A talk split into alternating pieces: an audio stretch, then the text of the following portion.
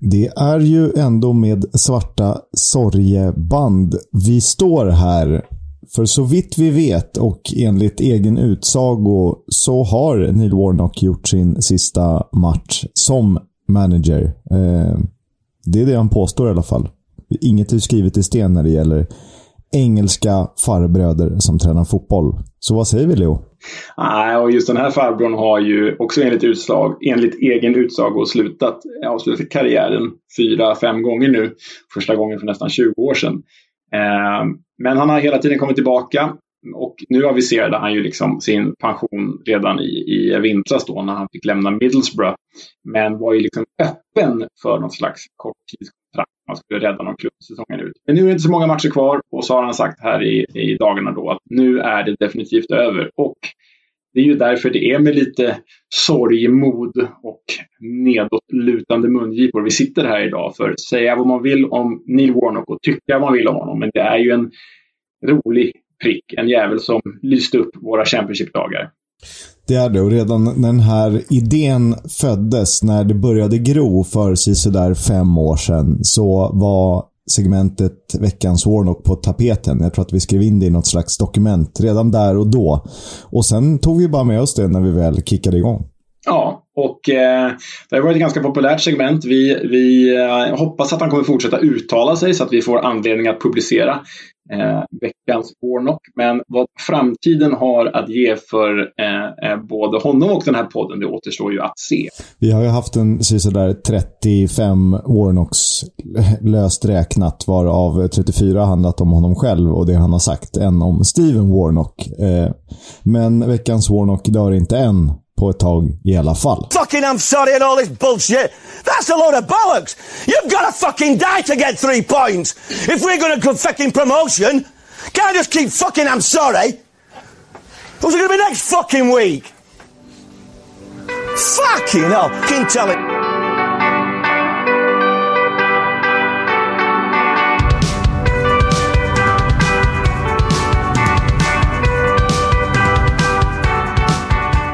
Du lyssnar på Footballs Coming Home, en podcast om Championship, League 1 och League 2 med mig, Oskar Kisk.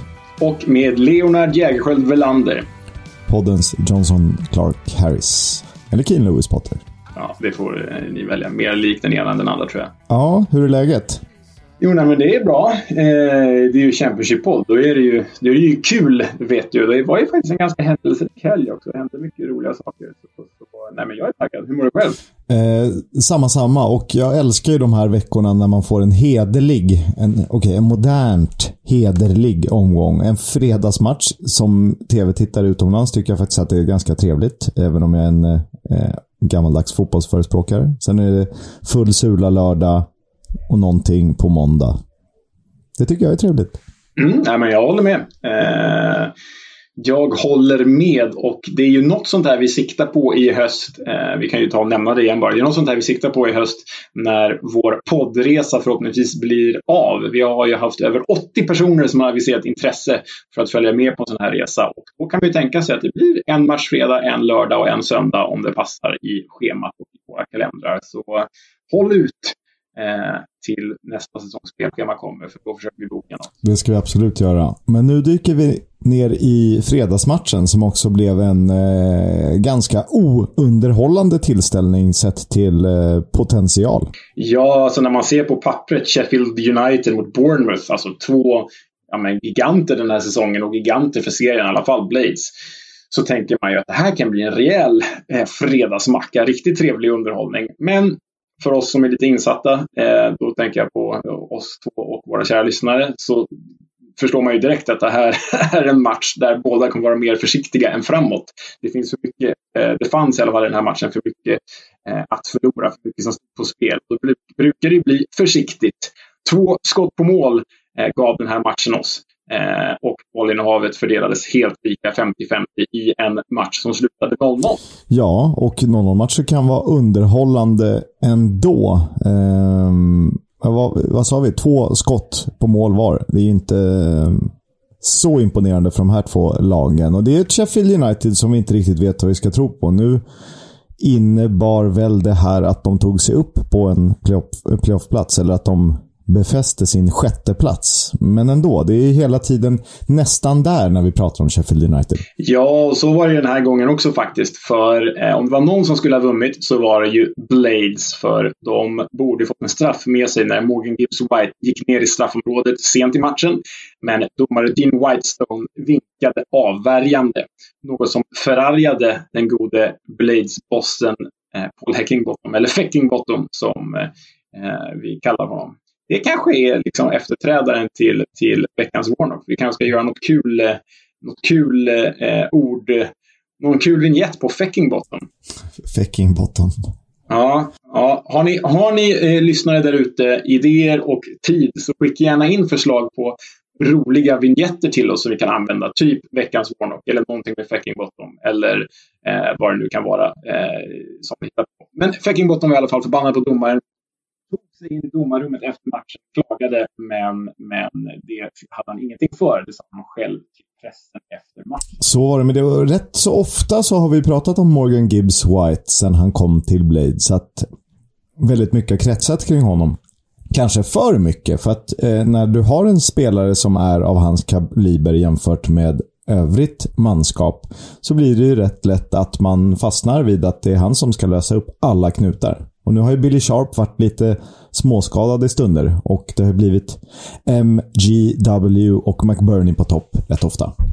Ja, och då ska man ju ha med sig då att McBurney är ju inte en anfallare i, i, i gott slag och MGW är ju bara på lån från Wolverhampton. Det är ju verkligheten för många av Championship-klubbarna. Det är ju jobbigt för dem att leva på lån för vissa av de här lånen stannar ju bara en halv säsong eller en hel säsong. Eh, och bli beroende av en sån spelare, det är ju aldrig lätt. Det är det inte. Han är på en egen nivå när han är eh, i form. Jag tycker inte att han har varit i form tillräckligt ofta sett till vad han borde kunna uträtta. Nej, nej, exakt. Och det, gäller väl liksom, det är väl symptomatiskt för hela Blades struktur. Det, de har en, två, tre offensiva spelare som kan låsa upp det, men de funkar aldrig riktigt tillsammans och resten av bygget är ju stabilt. Liksom. Sen får ju liksom, Fäckingbotten har ju lyft dem dit de ska vara. De kommer säkert klara en playoffplats, men det är ju inte särskilt underhållande fotboll. Det är inte. Bournemouth då? De har ju ett rätt så tufft läge Fast egentligen inte, för de borde bara kunna segla hem en av de två direktplatserna där bakom Fulham. Men, eh, och de har ju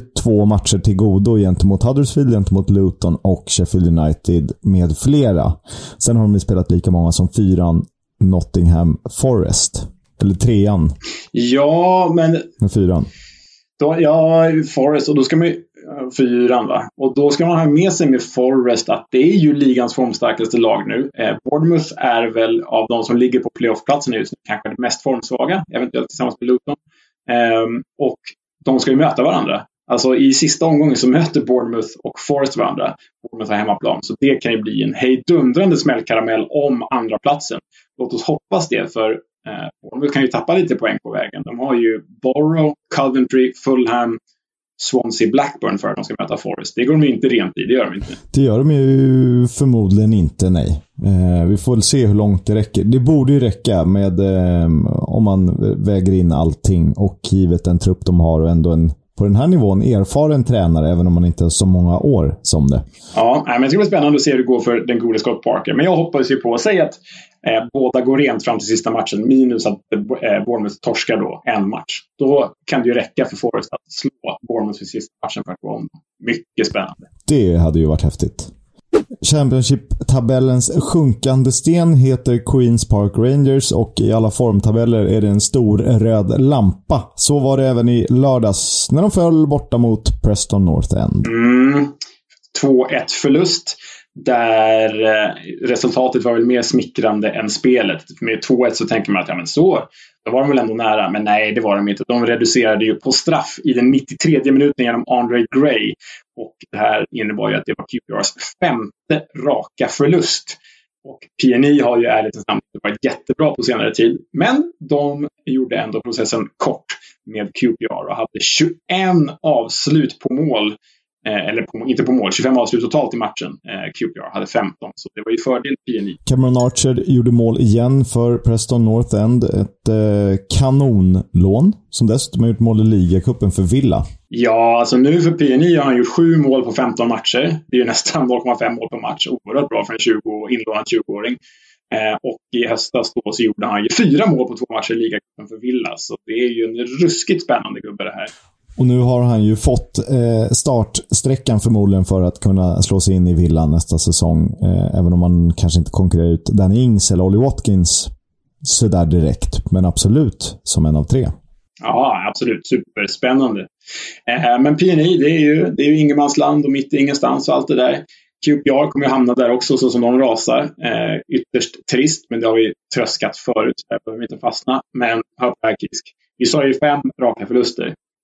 Absolut. Men nu har de på de 14 senaste matcherna bara två segrar. Och under de här 14 senaste matcherna har de hunnit med att torska mot Barnsley en gång och två gånger mot Peterborough. Ja, det finns liksom ingen förklaring. Jag vet inte vad man ska säga riktigt. För att så bra som de har varit i stunder under säsongen och så genomusla som de är just nu. Det är ju, för mig är det helt obegripligt. Ja, och det, det är ju trist. Det enda glädjande i det är ju att eh, Loftus Road eller Kian Prince Foundation Stadium som det numera heter kommer finnas kvar i The Championship för oss nästa säsong att besöka. Det gör det. Vi har ju varit där ett par gånger. Vi lämnar det och går vidare till en annan del av London där Millwall eh, planenligt besegrade Barnsley, även om jag trodde att Barnsley skulle kunna ge dem en liten fight på The Den. Ja, men nu är väl... Alltså visst, det är ju vad är det, sex matcher kvar. Men det känns ju nu som att bottenstriden faktiskt är avgjord. Eh, Reading torskade förvisso också parallellt, men det är jobbigt för, för eh, Barnsley med åtta poäng upp till Reading. Åtta poäng upp till Reading. Och då är liksom Barnsley det lag som ligger bäst till under strecket. Det här var inte vad hans, eh, eh, vad Poyas Baggi behövde. Eh, de var ju aldrig nära, även om de lyckades reducera till 1-2 genom Romal Palmer. Dessförinnan hade Millwall-backen Danny McNamara gjort sina två första mål för klubben på varsin sida om pausvilan det är ju imponerande då, när man liksom ketchup-effektar sig. Det, det är saker vi gillar. Det har vi sett ett par gånger den här säsongen. Oväntade målskyttar. Ja, och jag, jag vet inte. Vår generation var ju liksom väldigt präglade, skulle jag säga, av det Celtic som Henrik Larsson och Johan Mjällby spelade i. Mm. Um, och jag vet inte om du kommer ihåg, men då fanns det ju en skotsk högerback som hette Jackie McNamara i det laget. Absolut. Uh, han och Didier Agat sprang på varsin kant där. Eh, i backlinjen. Och jag tänkte att tänk om det kan vara så att Danny McNamara är son till Jackie McNamara. Och tror du att han var det? Ja. Nej, det var han inte. Nej. Så, så vi, vi, fick lite hopp. Ja, vi fick hopp, men, men icke som icke. icke som icke. Det gamla Celtic för mig är mest Reggie Blinker. Oj, det, är för jävla... Vad är det? Det är 90-tal Celtic, va? Ja, sent 90-tal borde det vara. Ja, de hade en del holländare. Där var Bobby Petta också. Det finns ju faktiskt en livlina för Barnsley, om man ska eh, titta nyktert på det. Och det är ju att de har en match till godo gentemot Reading. Exakt. Exakt. Och det är väl ända, det är liksom deras hopp. Nu kommer jag inte ihåg vilken eh, som är deras hängmatch. Nej, jag har inte det i huvudet heller. Men den är ju... Okej, okay, den matchen får väl avgöra om bottenstriden lever eller inte. Ja, och eh, eftersom de bara har Derby och Peterborough bakom sig så är ju alla matcher tuffa i deras värld. Exakt så. Eh, men det är ju ett Barnsley som varit bättre på sistone, men här var de ju då överkörda när Oliver Burke satte 3-1 och Benica Foppe 4-1. Och om vi vänder och tittar på Millwall, det är alltså bara fyra pinnar upp till kvalplats. Va? Millwall två poäng före QPR och West Brom. Eh, det är ju sanslöst. Bra, såklart. Ja, det är ett jävla ös i det här laget nu. Alltså, spelschemat med så här få matcher kvar, det är ju på pappret väldigt lätt för Millwall. De har alltså Preston borta, Hull hemma, Birmingham borta, Porsche hemma och sen den svåra då Bournemouth borta. Men eh, det här känns ju väldigt överkomligt. 10 poäng är ju inte omöjligt. Ehm, inte alls. Nej, exakt. Och då vet det fasen om det går. Det, det kommer ju bli en gränspuck där för Millwall är väl det sista vi ska räkna bort då. Eh, Coventry två poäng bakom där.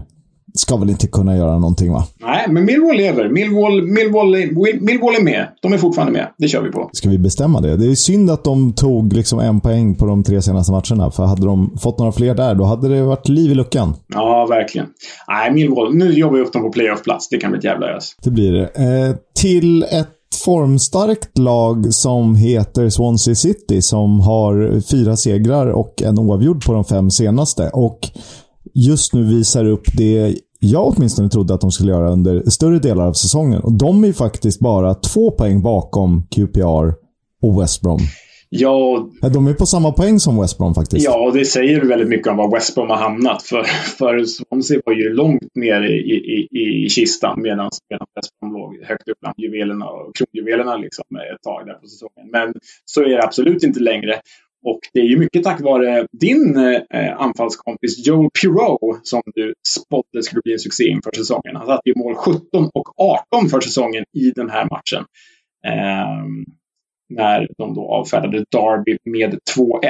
Och då ska man ju tänka på att Joel Pirou gjorde blott två mål förra säsongen i holländska ligan.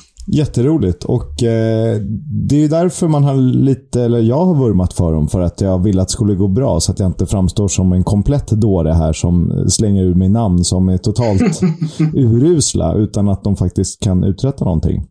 Och de har inget med playoff att göra såklart. Men en match mindre spelad än både West Brom och QPR och ja, på samma poäng som Baggis, två poäng bakom QPR. Det hade man inte trott för ett par månader sedan.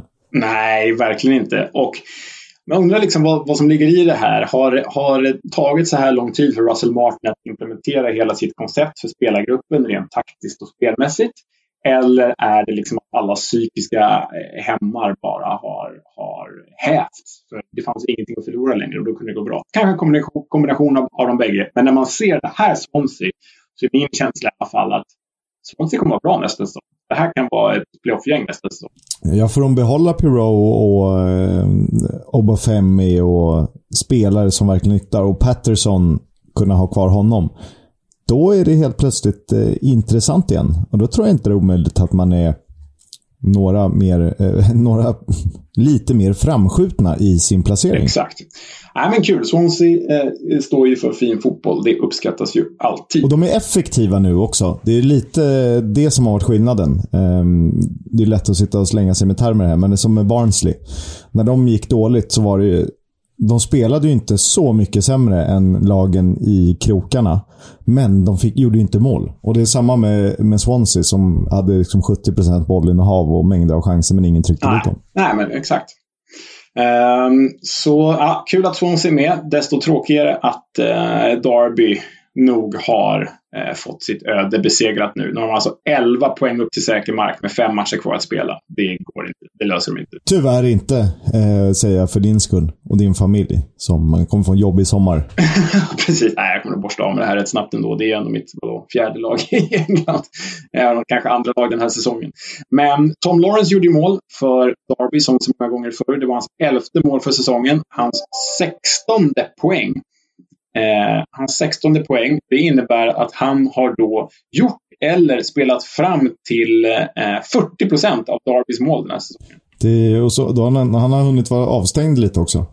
Mm, men 40 procent av, eh, av en klubbs eller ett lags eh, målproduktion. Det är jäkligt imponerande. Tom Lawrence kommer nog inte följa Darby med ner i League One. Det är ju inte känslan i alla fall.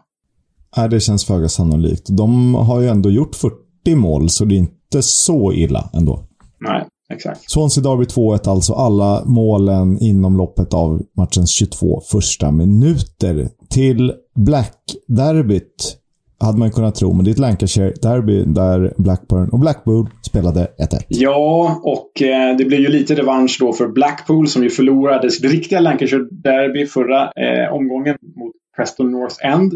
Nu dominerade de istället då på Ewood Park, hade chanserna, hade matchen, slutade dock 1-1 som du sa. Och det var ju Blackburn som tog ledningen genom Sam Gallagher. Ja, eh, den falske Ben Brereton Diaz, eh, Diaz, eller Brereton om ni så vill, BBD, spelade faktiskt hela matchen för Rovers. Hans första på ett bra tag. Mm. Först, ja, exakt. Han hade ju ett riktigt bra... Hans första 90 minuter exakt. alltså. Han hade ett riktigt bra läge att sätta 2-1 efter Marvin Ekpitetas kvittering för Blackpool. Men han sköt utanför eh, stolpen. Det var ju synd för Blackburn och eh, BBD. För hade han satt den och Blackburn hade vunnit, då hade de ju legat kvar på playoffplats. Det gör de ju inte. Eller legat kvar. De hade gått upp på playoffplats igen. Det gör de inte. De är ju strax där bakom. Men inte helt över än, för deras, det blir mycket spelschema idag, men deras spelschema ser ju behagligt ut. Ja, jag kommer inte räkna bort något lag för att eh, så står man där med skägget i brevlådan och så West Brom kvalificerar sig för playoff på någon konstig bortamålsregel som de hittar från någon fa Cup-semi 1878. och helt plötsligt eh, så går de upp i Premier League och då, då får man skämmas. Nej, skämt åsido. De bör ju kunna vinna fyra av de fem kvarvarande matcherna. Och det betyder rätt mycket om du jämför med Bournemouth som har ett hyfsat tufft spelschema. Nu slåss ju inte de om samma positioner förstås, men ändå. Ja, när man kollar Blackburn då. Liksom, de har Porsche borta, Stoke hemma, Preston borta, sen Bournemouth hemma då, den är jobbig, och Birmingham borta. Det ska ju vara, om de verkligen ska vara med där uppe, så ska det minst vara tre segrar. Det ska, jag skulle vilja säga att de 12 poäng ska de kunna ta där. Ja, om de ska vara med i alla fall. Vi får se om det räcker. Exakt så är det. Eh, Nottingham Forest, denna otroliga formmaskin som fullständigt dundrar fram i Championship med drömmen om playoff. Kanske drömmen om en direktplats. Mm, femte raka seger nu alltså efter 2-0 mot Birmingham. Keenan Davis, Aston Villa-lånet, eh, rann igenom, tog vara på ett eh, backmisstag när han satte 1-0 målet 1-0 målet bara fem minuter in i matchen. Och med tio minuter kvar av matchen så avgjorde skotska landslagsförsvararen Scott McKenna eh, eh, en hörna, om jag inte minns eh, fel. Han skallade in en hörna. Exakt. Han nickade in en hörna. Precis. Och Birmingham fick se Neil Etheridge skadad. Målvakten alltså tvingades byta, vilket är synd, men det betyder ju ingenting. För de har det ju gött ner i botten, men de ligger alldeles för långt ner eh, sett till vad de borde kunna producera. Ja, nej, exakt. Birmingham får ju bara starta om och får hoppas att de har Neil Etheridge med sig som är en duglig målvakt. Men Forest då alltså, fem raka segrar, obesegrade tio raka. Eh, ligger ju fyra i tabellen. Ett jävla ös. De låg trea när de vann den här matchen. Eller efter att de hade vunnit matchen i och med att man väntade in Huddersfields sena tillställning. Men det är jävla ös på City Ground nu. Liksom fullsatt i princip alla matcher. Och jag såg något på Twitter som flashade förbi. Att det, de har liksom uppmätts till högst decibel i Championship den här säsongen. Så eh, Forest i ett playoff kan ju bli oerhört läckert att följa. Jag tycker ändå det är en klassisk klubb som eh, av flera olika anledningar förtjänar det här. Ja, alltså ser man till meriter, om vi ska vara meritokrater här, så är det väl de som ska få direktplatsen upp till Premier League och inte Bournemouth. Men eh, ja, man lever inte på gamla meriter. Och eh, playoff-fyran nu då, då har ju Nottingham 39 matcher, övriga lag har 40. Middlesbrough nedanför har, eh, nej, övriga lag har 41 spelade matcher, Middlesbrough har 40. Det skiljer alltså två matcher. Det är möjliga sex poäng. Då kan man sätta sig i pole position om vi pratar Formel 1. Verkligen. Sorgebarnet då? Inte Sorge-Barnsley, utan Sorge-Baggis. Eh, de föll mot ett Stoke som vi för ett par veckor sedan skrattade högt åt. De har ju verkligen ryckt sig i kragen. Är det Michael O'Neill som har fått eld i baken och spridit det vidare? Ja, men det verkar så. De har ju tre segrar på de fyra senaste nu för The Potters. Och Louis Baker, han fick ju avsluta målskyttet. Han har gjort åtta mål på 16 matcher för Stoke, vilket är väldigt bra för Chelsea-talangen. Eller ex-Chelsea-talangen ska sägas. Ja, han är ju 26 år numera. Varit utlånad till typ 100 klubbar känns det som. Men eh, tidigare Chelsea-talang som gjort det ruskigt bra. Han spelar ju, han har alltså ersatt eh, Nick Powell. Så han spelar väl, vad ska vi kalla det, nummer 10-rollen. Stokes nummer 10-roll. Eh, och mål i varannan match. Det är ju, det är ju riktigt bra. Eh, inget av de här lagen kommer väl nå playoff. Det kan vi ju säga med säkerhet. Men det känns ju, och som det gjorde inför den här säsongen också, att bägge de här ska vara med och slå som playoff nästa år i alla fall. De är ju klubbar för det om inte annat. Det tycker jag vi bör kunna kravställa och det tror jag det finns ett gäng supportrar som vill där ute. Och det kanske är bra för West Brom att åka på den här käftsmällen istället för att göra ett halvdant playoff och ändå åka ut i semin mot typ formstarka Nottingham eller någonting. Så får man chans att bygga upp och rensa ut. Och hur mycket man än tycker om Jake Livermore. Det kan ju finnas bättre spelare i den här divisionen på den positionen.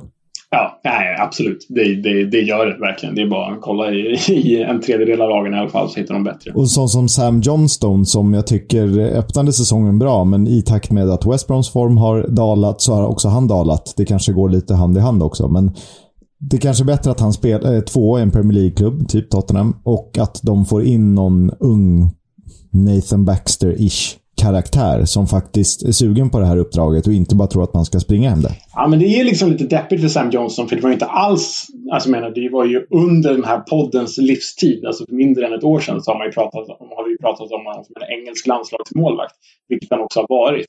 Och nu helt plötsligt verkar hans framtid vara på Tottenhams bänk eller på Uniteds bänk. Och det är klart att det är ett fantastiskt jobb att vara andremålvakt i någon av de klubbarna och tjäna hiskligt mycket pengar. Men det är ju också en sportslig ambition och ett karriärsteg som vittnar om att det lite är över. Alltså, han blir ju en ny Tom Heaton istället för en ny, jag vet inte, Joe Hart när han var bra.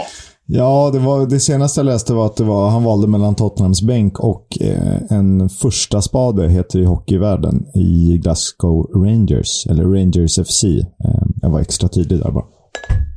Ja, det är ju, ja, som sagt, sportlig ambition. Ah, jag vet inte. Lite, det blir nog inte vad, av Sam Johnston vad vi alla trodde för till och med mindre än ett år sedan. Skrällar hör till den här poddens vardag och det får man väl ändå säga att Borough Hull 01 är. När eh, Middlesbrough som drömmer om det här playoffet helt plötsligt har eh, åkt upp på en, litet, en liten käpp i hjulet. Ja, nej, det har ju blivit då grus i maskineriet för Wilders Middlesbrough och deras playoff-ambitioner. För eh, 0-1 mot The Mighty Cottagers kan man ju inte klandra dem för, men 0-1 hemma mot Hull är ju inte bra. Och då ska det sägas att Borough faktiskt hade ett ledningsmål i den andra halvleken som dömdes bort för offside. Eh, men Keen Lewis Potter, vem annars? Hans mål blev ju matchens enda. Men det är ju en målvaktstavla av Boroughs Joe, Lumley. Ja, han ser ju bollen hela vägen och det är nästan så att bollen går igenom honom eh, till slut. Eh, jag förstår inte riktigt var, varför han inte bara stöter ut den i värsta fall. Ja, alltså det är ju för er som inte har sett det så är det ju ett eh, skott slash inspel från yttre delen av vänster del av straffområdet. Och en sån här boll som bara liksom går förbi alla straffområdet, sen studsar i marken och sen in i mål.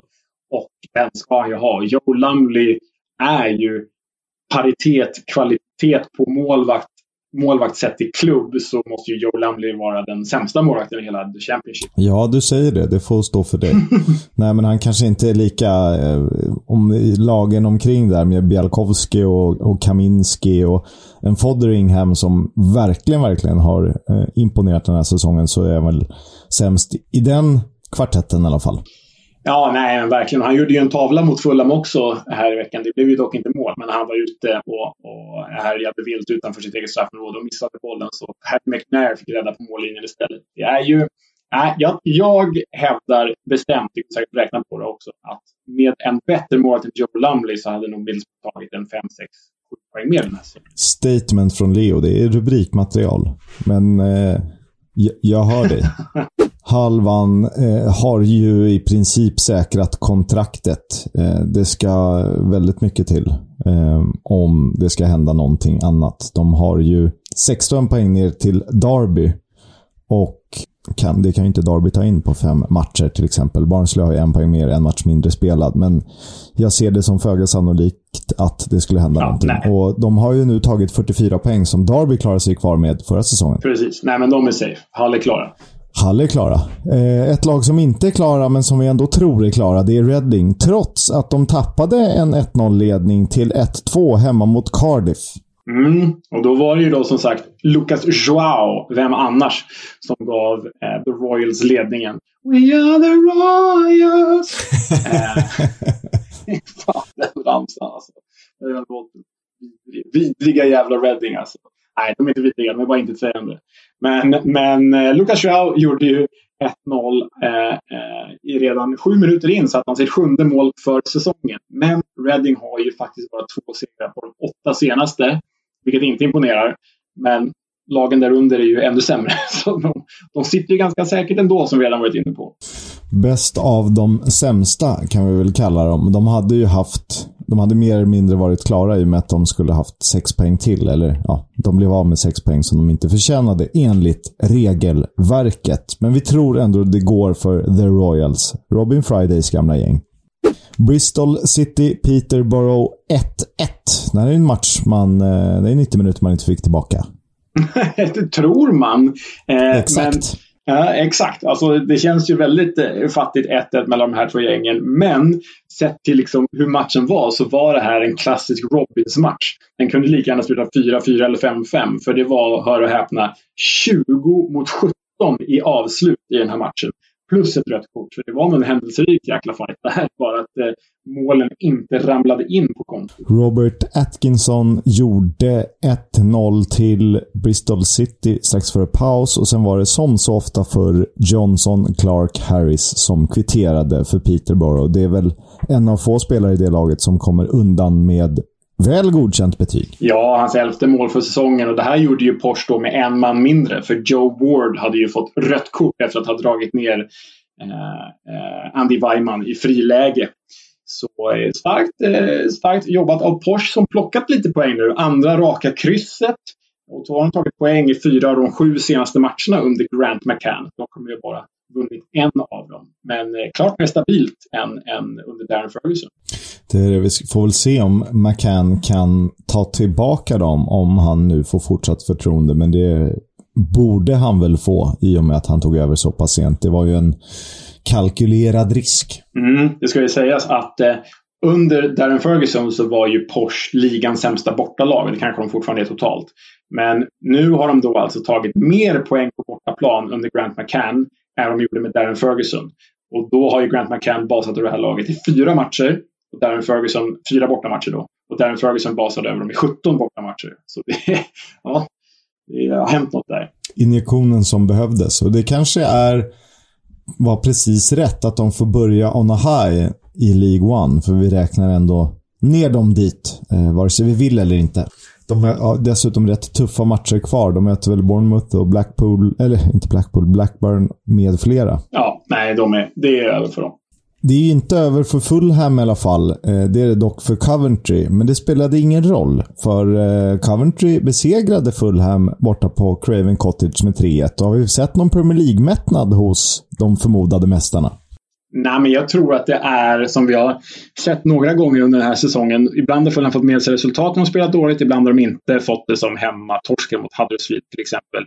Men det är ju silkespsyke. Alltså Marco Silva Marco Silvas gäng tidigare i karriären har alltid haft silkespsyke. Det var ett eh, medgångslag. Eh, förutom i Hall när det faktiskt gick bra hela tiden. Då. Men medgångslag och Fulham rent historiskt sett och även i den här truppen. Det är ju det är ett svagt psyke. De klarar inte riktigt motgångar och så får man det emot sig som de knappt fått den här säsongen. Då blir det jobbigt när till exempel då Michael Rose ger Coventry ledningen 20 minuter in i matchen. Mm, nej, det här behöver de eh, jobba på till nästa säsong i Premier League. För i Premier League får man ju inte lika mycket på köpet bara genom att vara bra. Det krävs ju någonting helt annat. Eh, det är frågan om han har den nivån i sig, Viktor Gyökeres. Han gjorde i alla fall sitt femtonde ligamål för säsongen när han utökade till 2-0. Och det är ju riktigt, riktigt bra. Det måste sägas.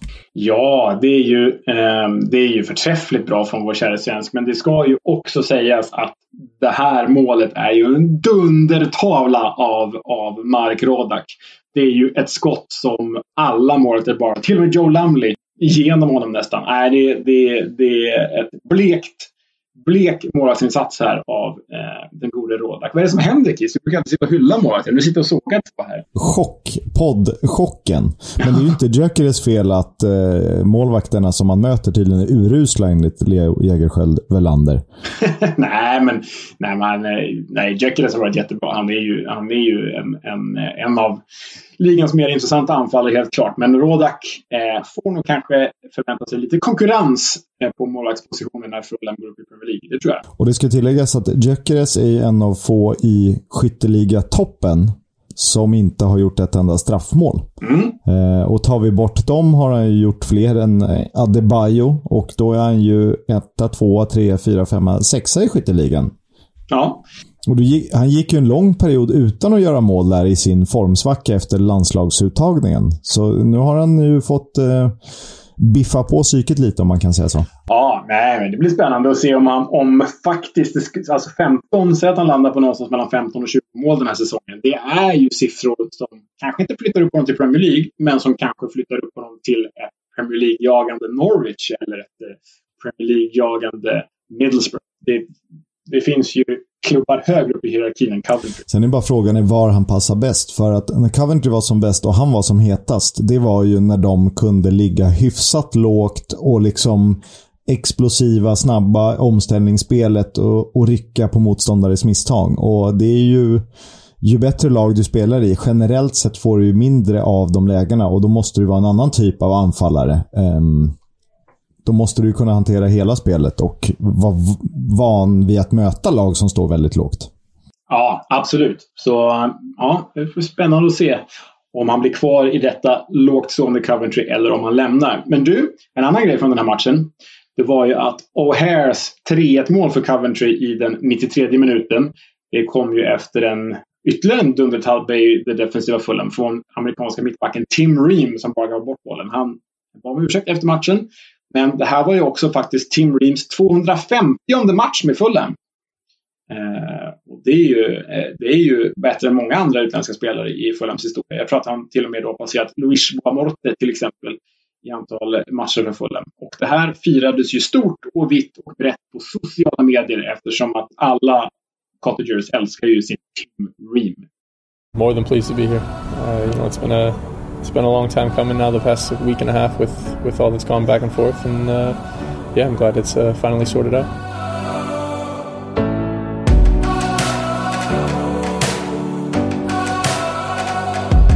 Oh, it's fantastic clearance. Tim Ream, on the goal line. Tim Ream, oh, he did really well there. Good defending though. Tim Ream again. Terrific. Seri's delivery is an excellent one, and there is Tim Ream. Little chip in, Kevin McDonald got his head on it. It's 1 0 to Fulham. It was Tim Ream following up. Kevin McDonald got the first header.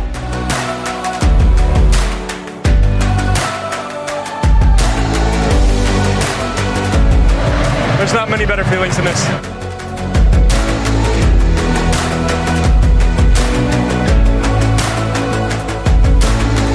Oh, you can always improve. You can always improve.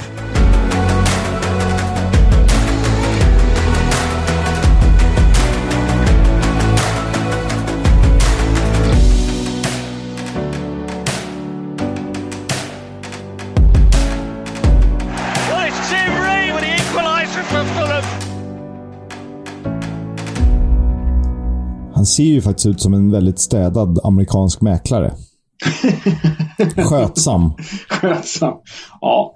Eh, nej, men han är en härlig typ. Jag vill bara inte att han ska vara ordinarie i Premier League. Det finns andra som kan ersätta det. Eh, helgens hetaste playoff-höjdare spelades mellan Huddersfield och Luton Town på måndagen. Jag såg eh, ganska mycket av den matchen och du såg hela den matchen också och det slutade med hemmaseger där.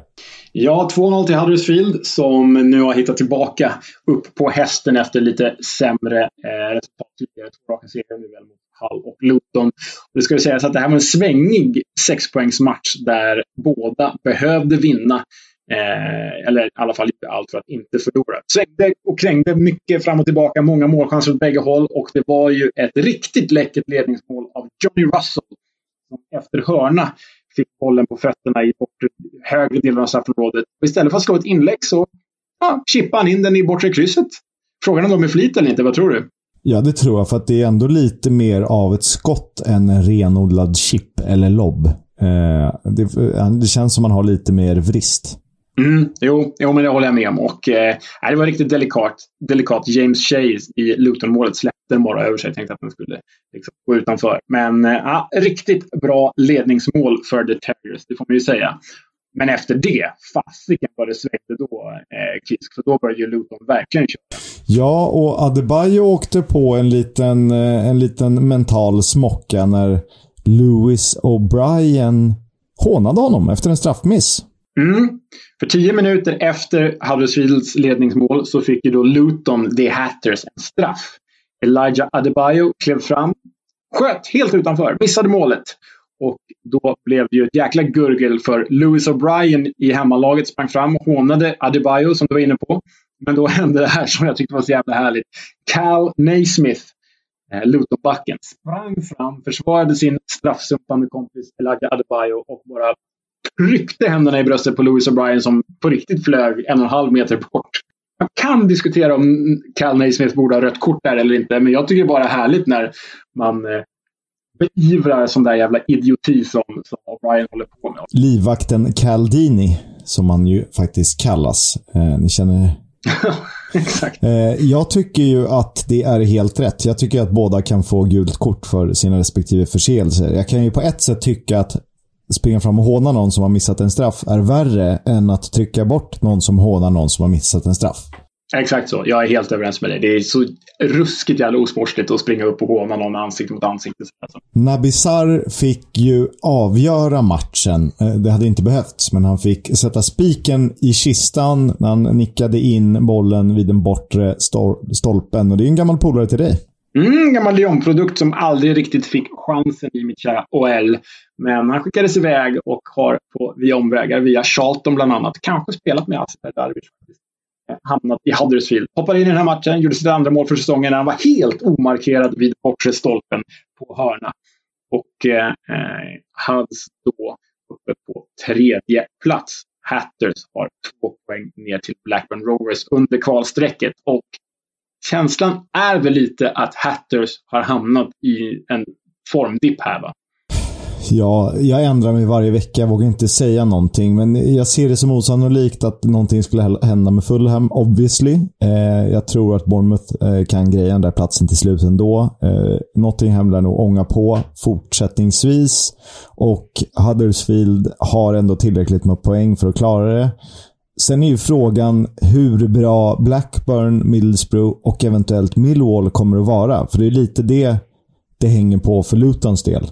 Och Sheffield United såklart, som jag ändå ser som det kanske på pappret starkaste laget i den här, vad det nu blir, kvintetten. Mm. Ja, men jag, jag delar din analys där. Helt, helt ense är vi. Vad skönt. Det är vi alltid, förutom när du ska ut och sväva med målvakter. Det ryktas att Paul Ince har blivit tillfrågad om att fortsätta som tränare för Reading även nästa säsong och varför han kunde ta över efter Velko Paunovic var ju för att han då är billigare i drift än vad Pauno var. Eh, det var ju givet ekonomiska oegentligheter och tveksamma finanser de kunde göra en sån lösning. Vi får väl se hur det tanken är där till nästa säsong? Ja, jag såg eh, att det här var kanske något som inte togs emot jätteväl av Reading-supportrarna. Det var några som skrev att eh, vi skjuter bara upp vårt lidande. Vi kommer åka ur nästa säsong istället. Ja, lite otacksamt mot In som ändå faktiskt har lyft dem i tabellen. Det har han gjort. Men nu är det ju bara två poäng mot åtta senast och det ser kanske så bra att det förtjänar ett nytt kontrakt. Men de är ju i den situation de är i, Reading.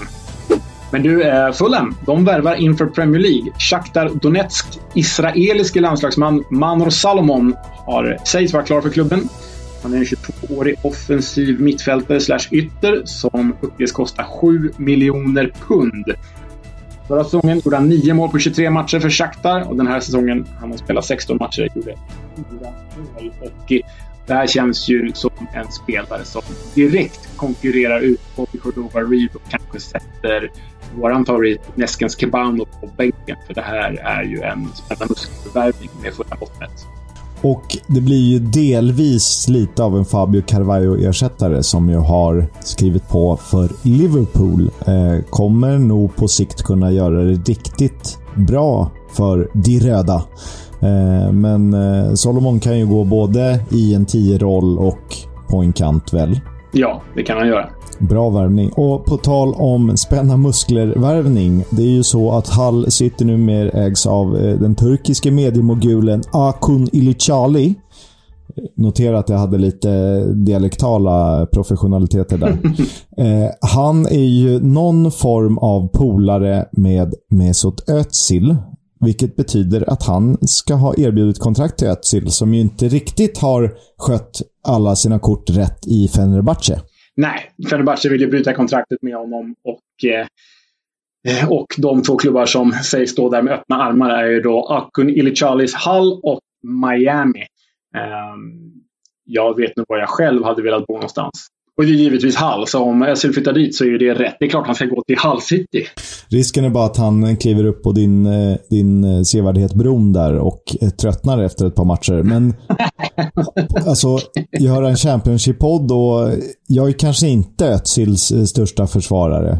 Um, för jag tycker att det finns... Han har slösat bort lite av talangen, men samtidigt är det en, en en skön spelare när han bara flyter omkring och när han får det att stämma. Det hade ju varit otroligt att se honom i Hall. Eh, det hade varit otroligt och väldigt oväntat. Och ja, man ska ha med sig att för typ 15 år sedan sprang JJ Okocha omkring på karriärens höst i Hall. Så kanske en värdig Okocha eh, efterträdare så här 15 år. Det är svårt att se att Özil ska tacka nej till Inter Miami om han får ett hyfsat kontraktsförslag för att spela i Hall City.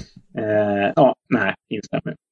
Sen så ska Tottenham vara sugna på Peterboroughs unga försvarare Ronnie Edwards, som jag måste erkänna att jag har eh, rätt eh, svag koll på. Engelsk U19-landslagsman som är fostrad i Barnet. Ehm, och Barnet vet vi ligger norr om London. Inte allt för långt ifrån området där Tottenham har hemma, N17.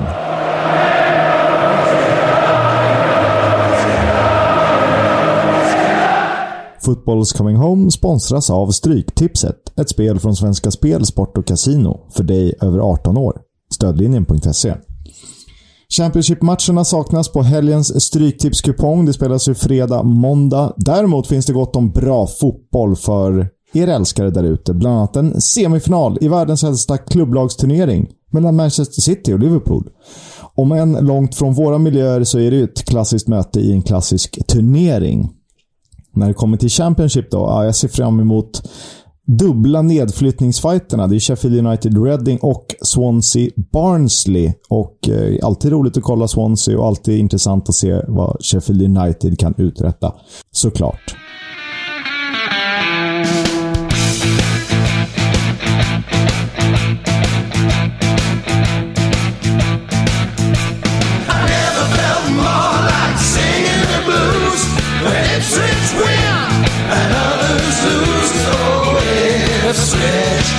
You got me singing the blues.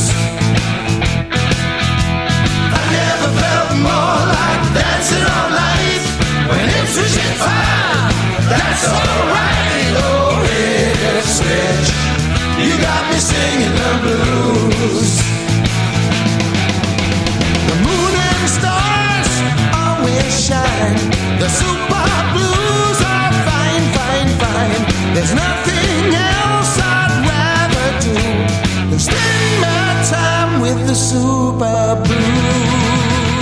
Ibland är det tydligt, ibland är det otydligt. Jag vet inte vilken hymn som riktigt är Ipswich Towns egentligen. Men den här är den mest populära. Kanske den inte är.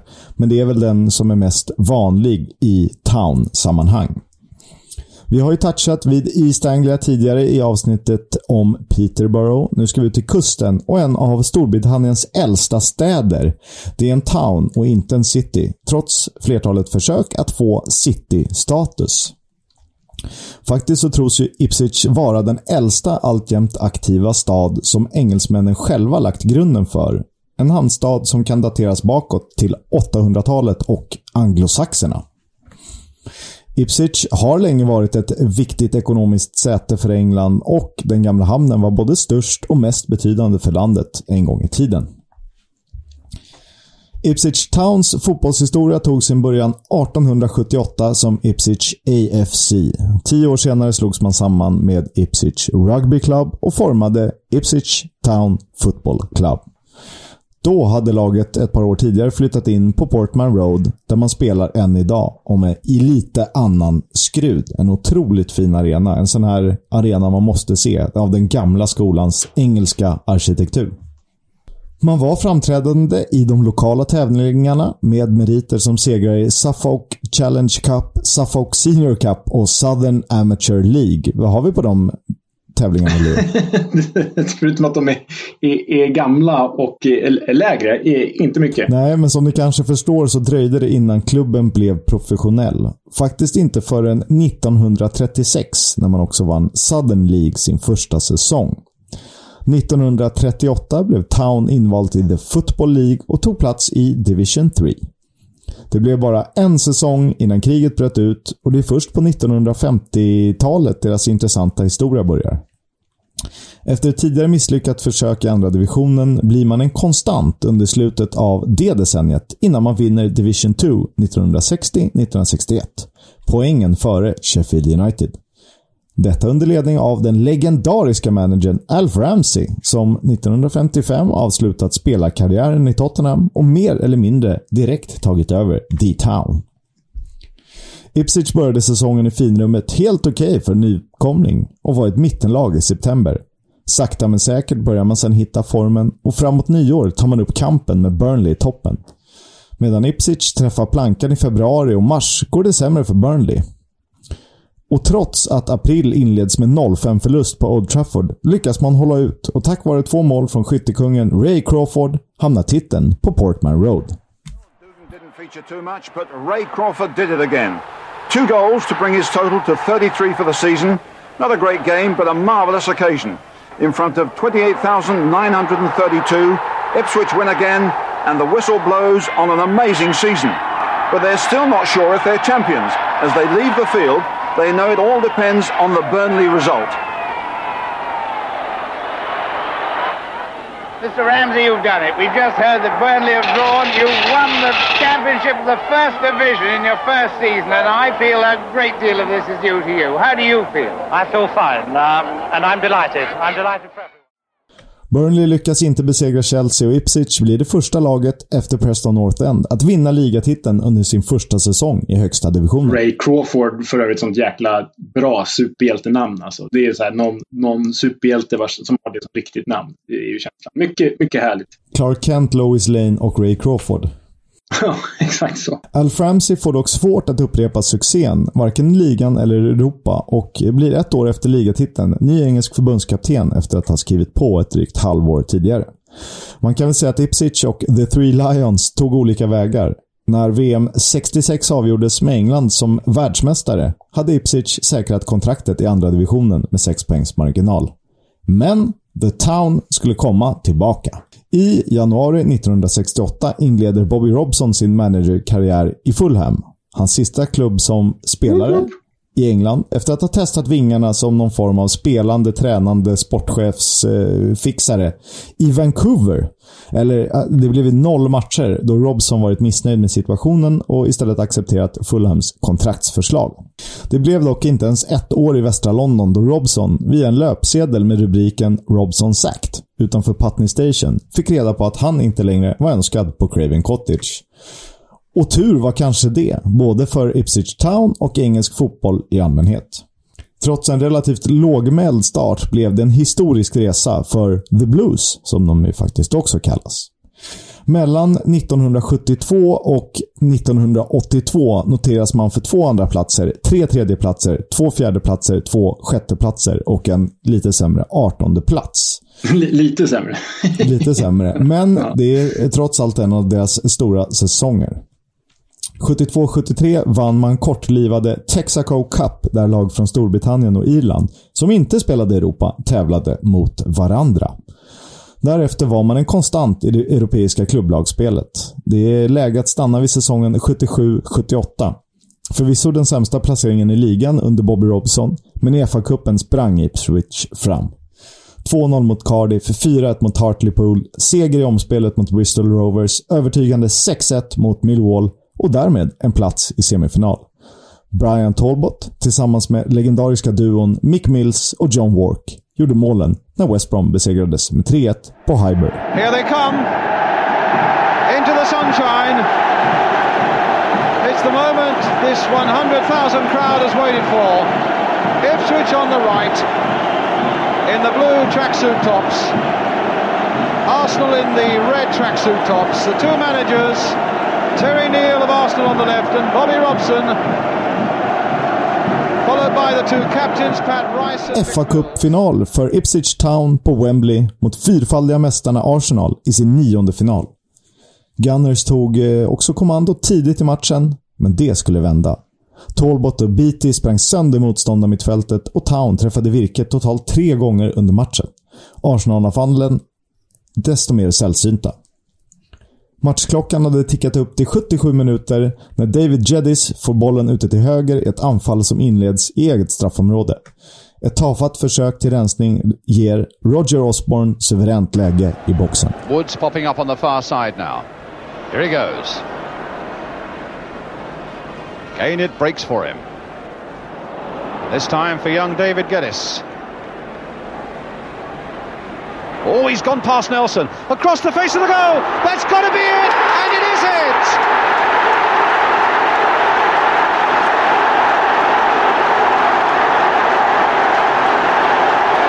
Roger Osborne has made the breakthrough. That's the first bit of luck in front of goals that, that they've had. A great break by Roger Osborne here. Beautiful ball. William can only stop the ball and play it in front of, who is it? Osborne. Osborne. Who made the break on Geddes on the far side, wasn't it? Again, a look at that watch. And Ipswich have won. The first time in their history. And Bobby Robson, a smile lighting up his face. Clive Woods, brilliant. Roger Osborne, who scored it and had to go off injured, coming on. The substitutes are on, the reserves are on. Mariner, who had an exceptional game, consoling David O'Leary, who looked as though he was ready to cry there. And this will go down as the greatest moment in this man's life. Don Howe on the right, bearing up well from defeat. But there's the happiest man in Wembley.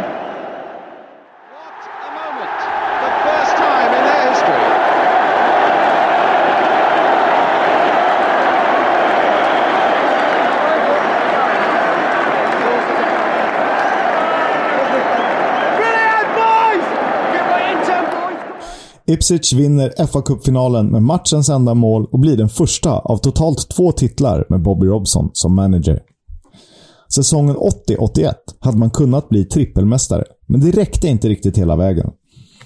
Trots serieledning i mitten av mars efter blott två förluster på 32 matcher lyckades man inte konservera formen säsongen igenom. Sex förluster och två segrar på de åtta avslutande matcherna tillät Aston Villa att lyfta bucklan. Och i FA-cupen hade man åkt ur efter att ha släppt in en Paul Power-frispark i förlängningen i semin mot Manchester City. Mm, vad hette han sa du? Paul På tal om Power. superhjältenamn. Det är ännu bättre. Paul Power. Clark Kent, Lois Lane, Ray Crawford och Paul Power. Tur då att man hade Uefa-cupen kvar. Och hemmastödet i Europaspelet. För redan från Europacupen 62-63 hade man gjort Portman Road till ett ointagligt fort i de internationella klubblagsturneringarna. Faktum är att man aldrig förlorat en hemmamatch i en Uefa-turnering. 25 segrar och 6 oavgjorda hittills. Så även om man förlorade borta mot både Aris och Bohemians tog man sig vidare. Totalt 5-1 mot Widzew Wads gav en plats i kvartsfinalen. Bra polskt uttal. Ja, om det är något jag kan, då är det ju eh, gamla sovjetiska stater. Eh, tyvärr var de med det. Eh, och deras uttal. Tror jag. Sant Etienne hade inte mycket att sätta emot. 7-1 sammanlagt. Och nu väntade FC Köln i semifinal. 1-0 och 1-0. Och Ipswich Town till final. En final som där och då spelades över två möten med start den 6 maj 1981. Drygt 27 500 åskådare hade tagit sig till Portman Road för att se Ipswich mot AZ. And that's 12. We easily could have been three up. You know, definitely a kind of penalty It's decision. Tyson here. And uh, He's got it. Just what you wanted, Bobby. well, I'm glad I missed it. Thank you very much, Jerry. call, a good ball. Brazil. Turning well inside Vandermeer. Mariner! Bekväma 3-0 i Ipswich Towns 65 match för säsongen. Och detta var trots en del skadekänningar i hemmalaget. Wark, Tyson och Mariner målskyttar. Två veckor senare spelades returmötet på Olympiastadion i Amsterdam, dit Ipswich fick med sig 6000 resande supportrar. After the first leg, went four up in the fourth minute when Metgod's clearance is volleyed home by Franz Tyson. But Ipswich relaxed, and three minutes later, AZ hit back. Metgod makes this run to the edge of the box, and his cross is headed home by the Austrian international Kurt Welsel. In the 29th minute, the Dutch champions went ahead. This time, Welsel crosses, Metgod hits home. Seven minutes later, Muren's corner, Mariners layoff, and John Walk equals the record of 14 goals in a European competition. Five minutes later, AZ score a third. Peters crosses, Jonker flicks on, Toll makes it 3-2 to AZ on the night, but 5-3 down on aggregate. 16 minutes from time, the gap narrows even further. Jonker strikes with a spectacular free kick, but Ipswich hold on for their first European... Ett tidigt ledningsmål och viktig kvittering gör att överläget blir ointagligt och Bobby Robsons manskap får triumfera som Uefa-cupmästare 1981. Det blev en ny andra plats säsongen därpå innan Bobby Robson fick äran att ta över uppdraget som engelsk förbundskapten och efter det då leda Porto och PSV till dubbla ligatitlar innan en säsong i Barcelona. Och för Ipswich gick det i motsatt riktning, rakt nedåt. Fem år efter Uefa Cup-vinsten i Amsterdam åkte Ipswich Town ur First Division under ledning av Robsons efterträdare och namne Bobby Ferguson. Efter ett misslyckat försök att ta sig upp genom playoff lämnade han uppdraget och ersattes av John Duncan, som inte heller lyckades med uppgiften att ta Ipswich tillbaka till finrummet. Det gör däremot John Lyall. Han leder Town tillbaka, men inte vilket finrum som helst. Ipswich vinner Division 2 och får således spela den första säsongen av Premier League. Det blir tre säsonger i toppen innan man rasar ur. Och därefter följer ett par tuffa år, bland annat tre raka playoff-nederlag. Men med viss mersmak. Man får revansch på Bolton i playoff-semin och möter Barnsley på Wembley. Ipswich vänder 0-1 till 3-1 innan Barnsley reducerar. Men på stopptid fastställs slutresultatet. Terry's just making a little point as well. Should have the time. Just sitting I'm all right, I've no crack. And Royce here is onside and he's been put through by Naylor. This could finish it. And he has! The Flying Dutchman in stoppage time sends Ipswich soaring to the Premiership. George Burley knows that they're there now. What a finish. I said to you when he come on, Rob, this guy sometimes when he comes off the bench, he's electric. Martin Reusser med det matchvinnande målet som tar Town till Premier League. Då kommer min fråga. Vilken svensk tillhörde laget under uppflyttningssäsongen? Eh, den enda svenska har på rak arm, jag misstänkte att den här, någon sån här fråga skulle komma, men den enda svenska har på rak arm, det är ju Niklas Gudmundsson. Han hade varit där i eh, några säsonger tidigare, 97, på ett ja, sån här korttidslån alla Björn Rundström i Luton. Det var inte han, utan det var Jonas Axeldal som spelade Ipswich Town. Fostrad i Halmstad, sen till Malmö, sen till Öster, sen till Foggia. Och så Ipswich. Ja, den hade jag ju aldrig tagit. Hade jag fått gissa på 250 svenskar hade jag aldrig kommit fram till Jonas Axeldal. Nej, jag hade dragit till med en Ola Tidman innan. För han har ju spelat i alla klubbar utan att ha spelat i alla klubbar, känns det som. Exakt Det dyker alltid ja. upp. Axel Dahl fick inte följa med upp, men han gjorde ju 26 matcher och typ noll mål för Ipswich den säsongen. Och värt att notera är att George Burley, som tog över redan 94, var managern bakom framgången. Burnley med nästan 400 matcher för Ipswich som spelare själv. Och trots de här framgångarna, man fick en fin ligatitel back in the days, det var en fa Cup-titel, det var en Uefa Cup-titel, så är nog säsongen 2000-2001 den mest speciella för många kring The Town. Med egna produkten Richard Wright i mål, Matt Holland som kapten, Herman Reidarsson som konstant i försvaret och framförallt det underbara anfallsparet James Scowcroft och Marcus Stewart. Den sistnämnde, Stewart alltså, blev faktiskt intern skyttekung med 19 fullträffar och bara Jimmy Floyd Hasselbank gör fler i ligan. Faktum är att han var bättre den säsongen än Henry, en Vidoka, en Owen, en Sheringham, en Heskey och en Kevin Phillips. Och det känner jag är wow. Ja, verkligen. Och det var kanske ändå inte det största, för George Burley blev faktiskt prisad som säsongens tränare efter att ha lett Ipswich Town till en sanslöst stark femteplats. Vi kan väl höra Matt Holland lite kort om framgången och om George Burley som tränare.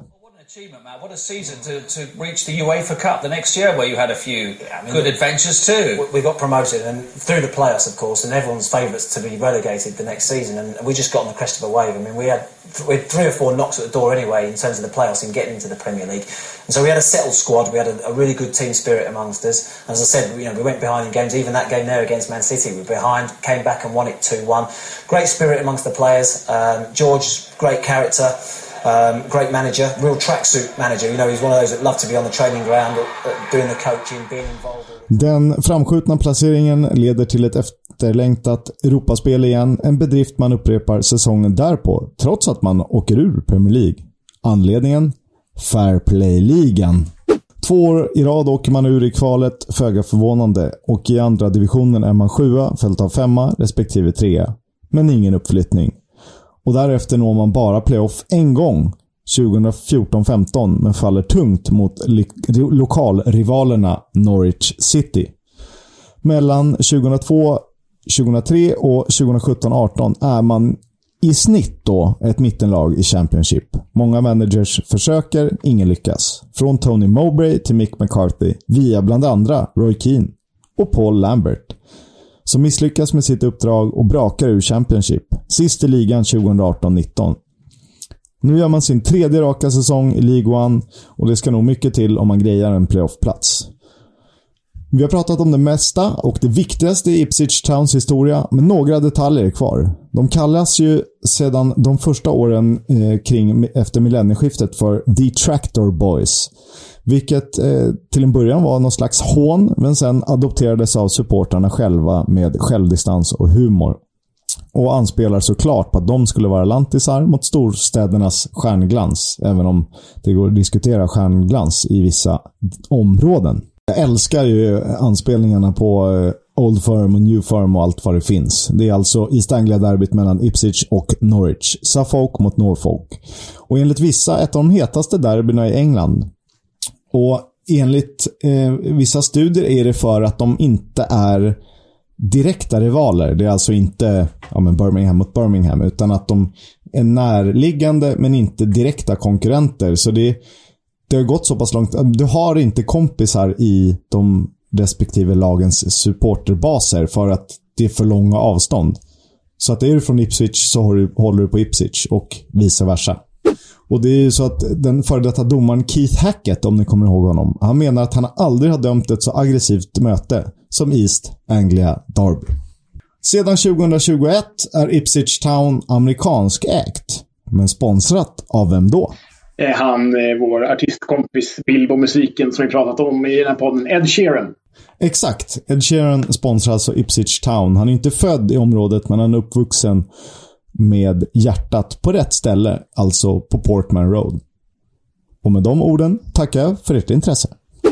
Det, jag vet ju inte vad som kommer att hända i helgen, för hade jag vetat det hade jag förmodligen legat på en ö och streamat eh, i solskenet året runt. Eh, för då hade jag vunnit så mycket pengar. Men han kommer förmodligen göra ett eller flera mål. Hur skulle du känna inför att ta an uppdraget att berätta historien om Aleksandar Mitrovic till nästa vecka? Eh, det är klart vi ska göra det. Det låter väl ypperligt.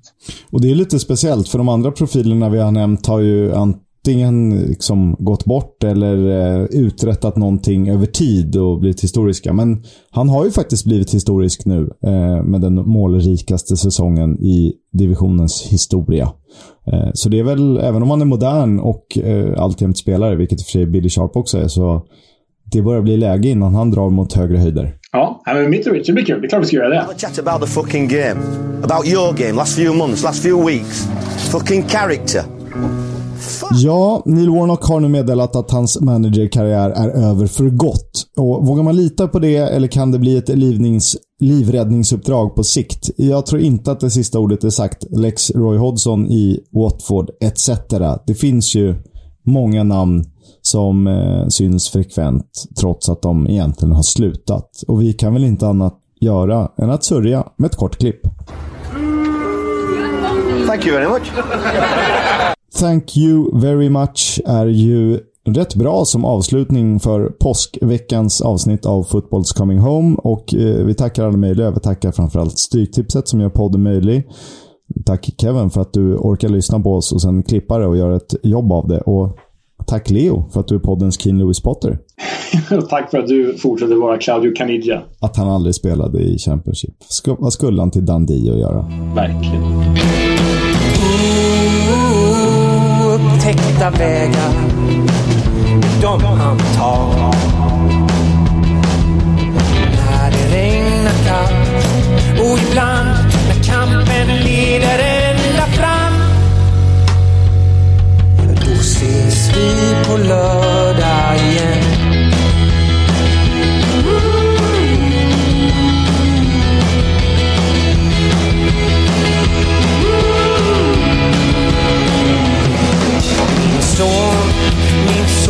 kommer väl aldrig bli som jag. Ooh, alla dina chanser. Gör ska. Ibland så regnar det kallt, men till slut leder kampen